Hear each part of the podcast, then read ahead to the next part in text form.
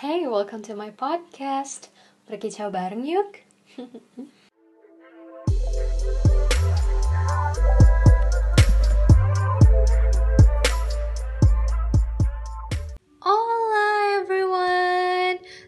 banget akhirnya uh, bisa ngomong lagi di podcast berkicau uh, setelah seminggu vakum ya. Jadi seminggu kemarin itu seharusnya Ika nge-upload episode terakhir nih, but uh, unfortunately lagi banyak banget kerjaan di organisasi, harus menyelesaikan LPJ dan segala macem. Jadi kayak nggak bisa fokus itu untuk bikin uh, untuk nge-konsep podcastnya. Jadi saya memutuskan untuk vakum bentar seminggu. But today I'm back dan kita bakalan ngomong di episode ke-6 dari season pertama which is the last episode di season Seni Berpikir Sedikit Lebih Sehat. Dan minggu depan kita bakalan masuk ke season 2. Excited gak? Jadi, uh, seperti yang udah kalian lihat tuh di judulnya hari ini kita tuh bakalan ngomongin banyak tentang perubahan. Sebenarnya berubah itu salah atau benar sih? Dan juga bagaimana kita sebagai orang yang melihat perubahan itu dapat menghargai perubahan yang dilakukan oleh orang lain. Sebenarnya topik ini tuh kayak jarang banget diomongin di berbagai macam uh, self love podcast dan juga audio insight. Nika berharap banget setelah kita ngedengerin podcast yang hari ini, kita bisa sama-sama uh, lebih menghargai orang-orang yang berubah, baik menurut kita itu lebih baik atau bahkan lebih buruk, uh, tapi kita tetap uh, menjadi pribadi yang dapat mensupport orang-orang tersebut gitu ya. Oke, seperti biasa, ada satu pertanyaan yang harus kita jawab di pikiran kita masing-masing. Kok agak serak gitu ya? Lose my voice, guys. Oke, okay. pernah nggak kalian uh, ngedengerin orang lain baik itu dari temen atau bahkan uh, sahabat ya dan keluarga, mereka pernah bilang nih ke kalian, kamu tuh dulu nggak kayak gini. Lo tuh lebih baik jadi lo yang dulu daripada lo yang sekarang. Kok kamu berubah sih? Itu ya yang paling sering didengar ya. Kok kamu berubah sih? Iya, tapi bukan kayak kamu berubah dalam artian kayak cowok sama cewek pacaran gitu loh, tapi ya, tapi literally uh, kok kamu berubah? Well, uh, kalian boleh jawab pertanyaan tersebut di pikiran kalian masing-masing, tapi hari ini kalian pengen ikut ngejawab pertanyaan ini di podcast ini. Uh, jadi secara pribadi, secara pribadi Ika sering, I often get this statement, pernyataan ini dari teman, sahabat, guru, dan juga keluarga. Ika kok berubah sih? Kenapa Ika berubah? Nah, sebenarnya secara sadar Ika itu merasa ya ada perubahan di dalam diri Ika, baik itu perubahan dalam prinsip, perubahan dalam kepercayaan Ika, perubahan uh, dari cara Ika mengekspresikan diri dan emosi ke lingkungan sekitar gitu. Of course, Ika merasakan perubahan itu karena diri Ika yang membuat keputusan untuk berubah, gitu ya. Nah, jadi Ika juga pengen cerita sedikit nih. Nah, jadi ceritanya ini dulu ya, buat teman-teman yang udah kenal Ika lumayan lama, but not so long, gimana tuh? Nah, jadi dulu Ika itu adalah orang yang sangat tertutup ya, tertutup dalam uh, artian dalam berbusana tertutup, uh, dalam berinteraksi dengan lawan jenis juga tertutup. Nah, Ika menerapkan sesuatu yang Ika percaya atau prinsipnya Ika ke dalam kehidupan sehari-hari termasuk ke dalam cara Ika pakai baju, cara Ika pakai kerudung, cara Ika berbicara dengan laki-laki ya saat itu. Nah, jadi Ika menerapkan hal itu ke kesehari-harian. Tapi kalau um, Ika bisa bawa ya teman-teman mundur lagi di saat sebelum Ika menjadi Ika yang tertutup. Ada hari-hari itu di mana Ika sebelum Ika yang tertutup adalah cerminan dari Ika yang sekarang. Paham gak kira-kira maksudnya? Jadi kalau Ika bisa bawa teman-teman mundur lagi sebelum hari itu, uh, especially di SMP ya, sebelum SMA kelas 1, Ika itu adalah seseorang yang sangat terbuka dalam pakaian, dalam interaksi, dalam komunikasi, penggunaan bahasa, and I most likely to be free dalam mengekspresikan diri Ika ke sekitar. Ada teman-teman Ika yang tahu dan kenal Ika bahkan sebelum Ika menjadi tertutup gitu. Ada juga yang baru tahu ketika Ika udah menjadi tertutup, jadi ketika Ika menjadi seperti ini sekarang, kelihatannya seperti Ika berubah. And That's why dan itulah kenapa Ika menerima banyak banget statement yang Ika sebutkan di atas tadi kok Ika berubah tetapi sebenarnya bagi teman-teman yang udah ada, yang udah bersama Ika bahkan sebelum Ika menjadi tertutup, setidaknya pasti sedikit mengerti kalau Ika itu sebenarnya nggak literally berubah. Tetapi Ika hanya kembali menjadi Ika yang dulu yang nyaman untuk mengekspresikan diri secara bebas dan loud, freely and loudly. Gitu. Itu cerita tentang perubahan Ika ya. Gimana kita tahu waktu itu terus berjalan, roda itu terus berputar, evolution happen, dunia berubah. Dan begitu juga dengan orang-orang di dalamnya dan jiwa-jiwa yang ada di dalam orang-orang tersebut. Everything change. Coba sekarang kita keluarkan ya faktor-faktor pendukung perubahan uh, di dalam diri seseorang gitu. Jadi tanpa faktor lingkungan pun hati seseorang aja itu gampang toh berbolak-balik. Gitu ya yang disebutkan di dalam Islam ya. Hati seseorang gampang sekali berbolak-balik. Jadi kalau misalnya kita mengekskludkan faktor kayak oh ini dia berubah gara-gara si ini nih. Oh dia berubah karena dia dari uh, negara ini nih. Bahkan ketika kita tidak ikut sertakan hal tersebut tidak ikut sertakan faktor tersebut hatinya aja udah mudah bolak-balik gitu That's why it's really easy for change to be happened. Sekarang pertanyaannya adalah sebenarnya perubahan itu baik atau buruk sih? Salah atau benar? Nah, kalau pertanyaan seperti ini jawabannya itu pasti bakalan jadi subjektif banget, very very subjective. Sangat-sangat subjektif gitu ya. Contoh, dunia berubah ya dunia berubah. Dari revolusi industri pertama tuh tahun 1750-an pas James Watt nemuin mesin uap sampai sekarang yang um, udah revolusi industri 4.0 atau bahkan sebentar lagi 5.0 yang pekerjaan kita tuh lebih banyak dihandle oleh automatisasi dan bantuan internet. Itu dunia yang berubah ya drastis tapi kalau misalnya kita uh, keluarkan lagi pertanyaan yang tadi, sebenarnya itu baik atau buruk sih? Perubahan dunia itu baik atau buruk? Is that good or bad? Nah, sebagian orang akan menjawab itu baik. Kenapa ya? Karena komunikasi jadi lebih mudah kak, atau pekerjaan kita jadi lebih ringan. Uh, teman kita yang dari negara lain kita bisa komunikasi dengan lancar banget. Ini itu ini itu. Itu sebagian orang yang menjawab baik. Tapi pasti akan ada lagi sebagian orang yang menjawab buruk Alasannya kenapa? Kita manusia menjadi pribadi yang lebih individualis, lebih tidak peduli sesama, lebih pemalas karena pekerjaan kita tuh serba instan. Sih, standar baik atau buruk itu berbeda dari satu orang, dari satu komunitas dengan orang lain atau komunitas lain. So it's very subjective if you ask, sebenarnya perubahan itu baik atau buruk sih?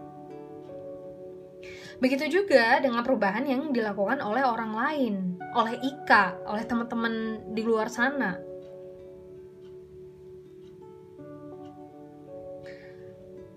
Ika atau teman-teman yang melakukan perubahan itu mungkin berpikir ya, This is the best decision I've ever made in my life.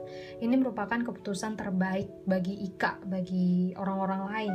Tapi kita melihat seakan-akan perubahan diri di dia itu buruk atau tidak lebih baik dari dia yang sebelumnya.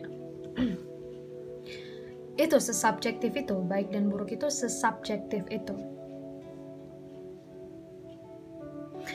Misal lagi nih uh, standar perubahan yang baik ya menurut Ika. Menurut Ika nih menurut opini Ika. Terserah kalian punya opini lain terserah. Seseorang itu berubah ya seseorang itu berubah dan itu adalah perubahan yang baik menurut Ika adalah ketika perubahan tersebut membuat dia lebih nyaman dan lebih bahagia dengan diri dia sendiri. Gitu itu dari opini Ika. Tapi mungkin orang lain bakalan mikirin lain. Misalnya nih uh, siapa ya? Fikri misal gitu ya Fikri mikir seseorang itu berubah atau melakukan perubahan ketika dia berubah menjadi pribadi yang lebih patuh terhadap norma, adat istiadat, budaya, agama. Berarti dari sini kita bisa lihat bahwa prinsip Ika dan Fikri aja berbeda. Kalau Ika fokus ke uh, self help gitu, self growth, tapi Fikri lebih peduli terhadap adat istiadat dan budaya. Prinsipnya lebih center around um, culture gitu ya.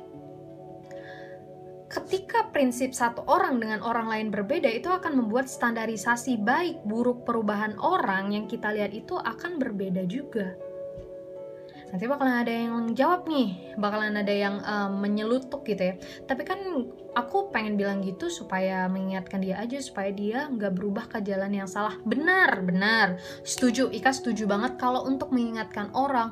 Tapi kalau kita berpikir seperti itu seharusnya uh, pasti bakalan ada batas di mana kita berhak mengingatkan seseorang yang merubah dirinya.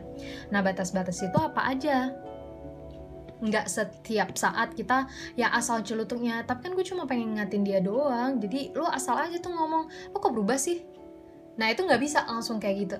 Jadi ada batasannya. Ada batasannya di mana kamu berhak mengatakan kok kamu berubah sih?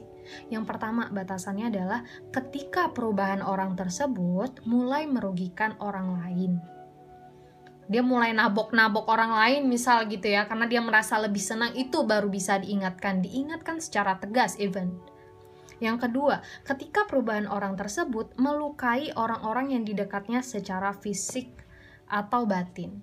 Contoh, misalnya dia menjadi pribadi yang lebih kasar, yang lebih kasar dalam bicara, itu harus diingatkan gitu loh.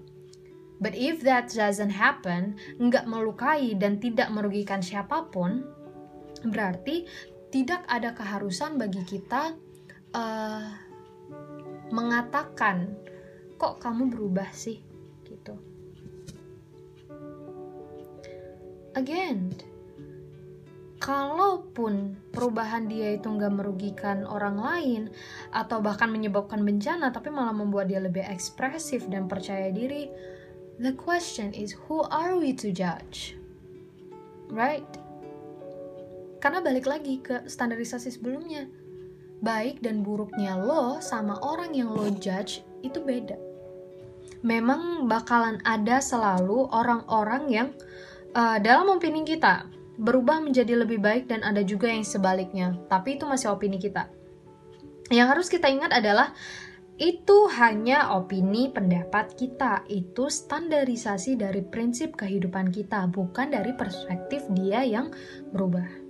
Jujur, setiap perubahan ya baik itu kecil ataupun besar yang Ika atau teman-teman lain ambil, itu udah melalui sistem sortir dan filter yang sangat panjang di dalam pikiran kita. Kita berantem dengan diri kita sendiri, kita ragu, kita khawatir tentang apa yang akan orang-orang kecam, apa yang akan orang-orang bicarakan soal perubahan itu. Jadi saat kita berubah dan kita comes out dengan perubahan itu nggak semata-mata, nggak semata-mata perubahan itu kita ambil dalam waktu sejam atau sehari doang. Itu tuh butuh berhari-hari, butuh berbulan-bulan untuk akhirnya kita bisa percaya diri berdiri di keputusan yang kita pikir adalah keputusan paling baik. It's not instant at all. Bagian yang menyakitkannya adalah ketika ketika pikiran kita tuh udah melewati berhari-hari ya badai dilema itu. Saat kita sudah berani keluar dengan perubahan yang menurut kita terbaik dengan menerima resiko dan dampak dan cacian apa pun yang akan dilemparkan orang kepada kita people will comes out saying to you eh gue kurang suka sama lo yang sekarang. Kok lo berubah sih? Kenapa lo berubah Ditambah lagi ketika orang-orang menambahkan asumsi-asumsi tentang faktor yang menyebabkan perubahan di dalam diri Ikah, di dalam diri kalian gitu. Contohnya nih misal, lo pasti berubah gara-gara temenan sama uh, si Angel gitu ya misalnya. Atau, ih lo berubah ya sejak pacaran sama Fikri gitu. Atau, Ika kok berubah sih sejak balik dari Amerika? Sebenarnya agak seret gitu ya dengarnya. Cuman memang hidup ini ya begitu gitu ya. Jadi speechless kan. But people never know. Setiap perubahan yang kita ambil itu does it really because all of their assumption? Apakah itu benar-benar karena gara-gara apakah itu benar-benar gara-gara gue berteman sama si Angel? Apakah itu benar-benar gara-gara gue dari Amerika? Atau mungkin perubahan itu simply because sesimpel karena ya aku nggak nyaman aja sama aku sama diri aku yang seperti itu. My heart saying that that's not a real me. I'm just gonna lie to myself because that's not how I really am. Itu bukan diriku yang sebenarnya. Sesimpel itu. Bukan karena asumsi-asumsi faktor kalian berteman dengan siapa, kalian pacaran sama siapa, kalian di daerah apa, It's simply because you don't feel comfortable again and you need to adapt with your feeling, with your heart. Nah, oleh karena itu, sebagai uh, teman yang suportif, sahabat yang suportif, teman yang mendukung, keluarga yang mendukung, ada beberapa hal sebenarnya yang bisa kita lakukan, kita coba latihan. Uh, dalam rangka menjadi lebih menghargai perubahan orang lain, perubahan sahabat kita, perubahan teman kita, tanpa menyakiti hati dia, tanpa merusak persahabatan kita, gitu. Nah, beberapa hal yang bisa kita lakukan untuk menghargai perubahan orang, yang pertama itu ada lihat situasi dan keadaan batin orang tersebut gitu. Ketika kamu ingin memutuskan ketika kamu sudah memutuskan kamu akan bilang kok kamu berubah ya? Kok Ika udah berubah sih? Sebelum kata itu terucap coba lihat dulu situasi dan keadaan batinnya bisa aja kata sesimpel itu ya. It's only four words cuma empat kata. Tapi itu bisa meruntuhkan fondasi yang baru aja dibangun mati-matian sama teman kalian sama sahabat kalian. Itu yang pertama. Lihat situasi. Yang kedua pikir dua kali bahkan tiga kali kalau perlu sebelum menunjukkan rasa belasungkawa kalau misalnya kalian merasa sad because uh, your friends change gitu ya kalian merasa sedih kalian pikirkan dulu dua tiga kali. Seharusnya aku patut nggak sih berbelasungkawa terhadap perubahan dia? Yang ketiga pahami bahwa prioritas dan prinsip orang itu dapat berubah-ubah. Mau itu karena lingkungan dia kayak mau itu karena pertemanan dia kayak mau itu karena hati dia sendiri kayak nah ketika kita mulai paham bahwa prioritas prinsip hati orang itu semuanya pasti berubah-ubah it's gonna be really easy insya Allah bakalan gampang banget bagi kita untuk menghargai keputusan orang lain yang keempat kita harus juga paham kebutuhan orang itu beda-beda sehingga Try to manage your expectation. Kelola ekspektasi kamu terhadap teman kamu, terhadap sahabat kamu yang berubah. Selama perubahannya itu hanya berpusat kepada dirinya aja tanpa melukai perasaan kamu, then don't let her down. Don't let his down. Jangan menuntut untuk memenuhi ekspektasi kamu. Jadi kelola ekspektasi tersebut gitu itu juga berfungsi untuk mempertahankan persahabatan dan pertemanan kalian gitu kan ceritanya. Terus yang terakhir, yang kelima, lihat jika orang tersebut berubah lalu menjadi lebih bahagia dengan perubahan tersebut, then that is the time when you need to support her to the fullest. Itu adalah saat kamu mendorong, mendukung dia sepenuhnya. Jika dia bisa bahagia dengan perubahan tersebut dan kamu bisa menjadi teman yang suportif, maka kamu juga berhak buat bahagia sebahagia dia. Jadi lebih baik cari juga kebahagiaan dirimu sendiri dan berbahagialah bersama-sama. Gitu. See, it's just that simple. Sebenarnya itu tuh gampang banget all it takes is just understanding. Pemahaman, pengertian. You understand that your friends can be different. You understand that your friend can change because her his life must go on. Understanding itu kuncinya. Harapannya adalah setelah kita mendengarkan podcast ini kita bisa bersama-sama menjadi orang yang lebih menghargai perubahan orang lain tanpa perlu membuat dia depresi ya tanpa perlu memutuskan persahabatan dan pertemanan kalian. Oke, okay, mungkin itu dia penutup dari season pertama berkicau. Um, spoil alert nih guys. Di season 2 itu kita bakalan ngomongin hal-hal yang lebih ringan dan agak lebih sensitif sih yaitu tentang love tentang cinta tentang pacaran. So jangan lupa untuk stay tune terus di berkicau karena kalian yang mendengarkan adalah kunci semangatnya Ika untuk berbicara di podcast ini. And I really hope setiap pembahasan di podcast Ika bisa membawa manfaat buat kalian semua. Last but not least don't forget to be kind grateful and always love yourself. See you on the next episode everyone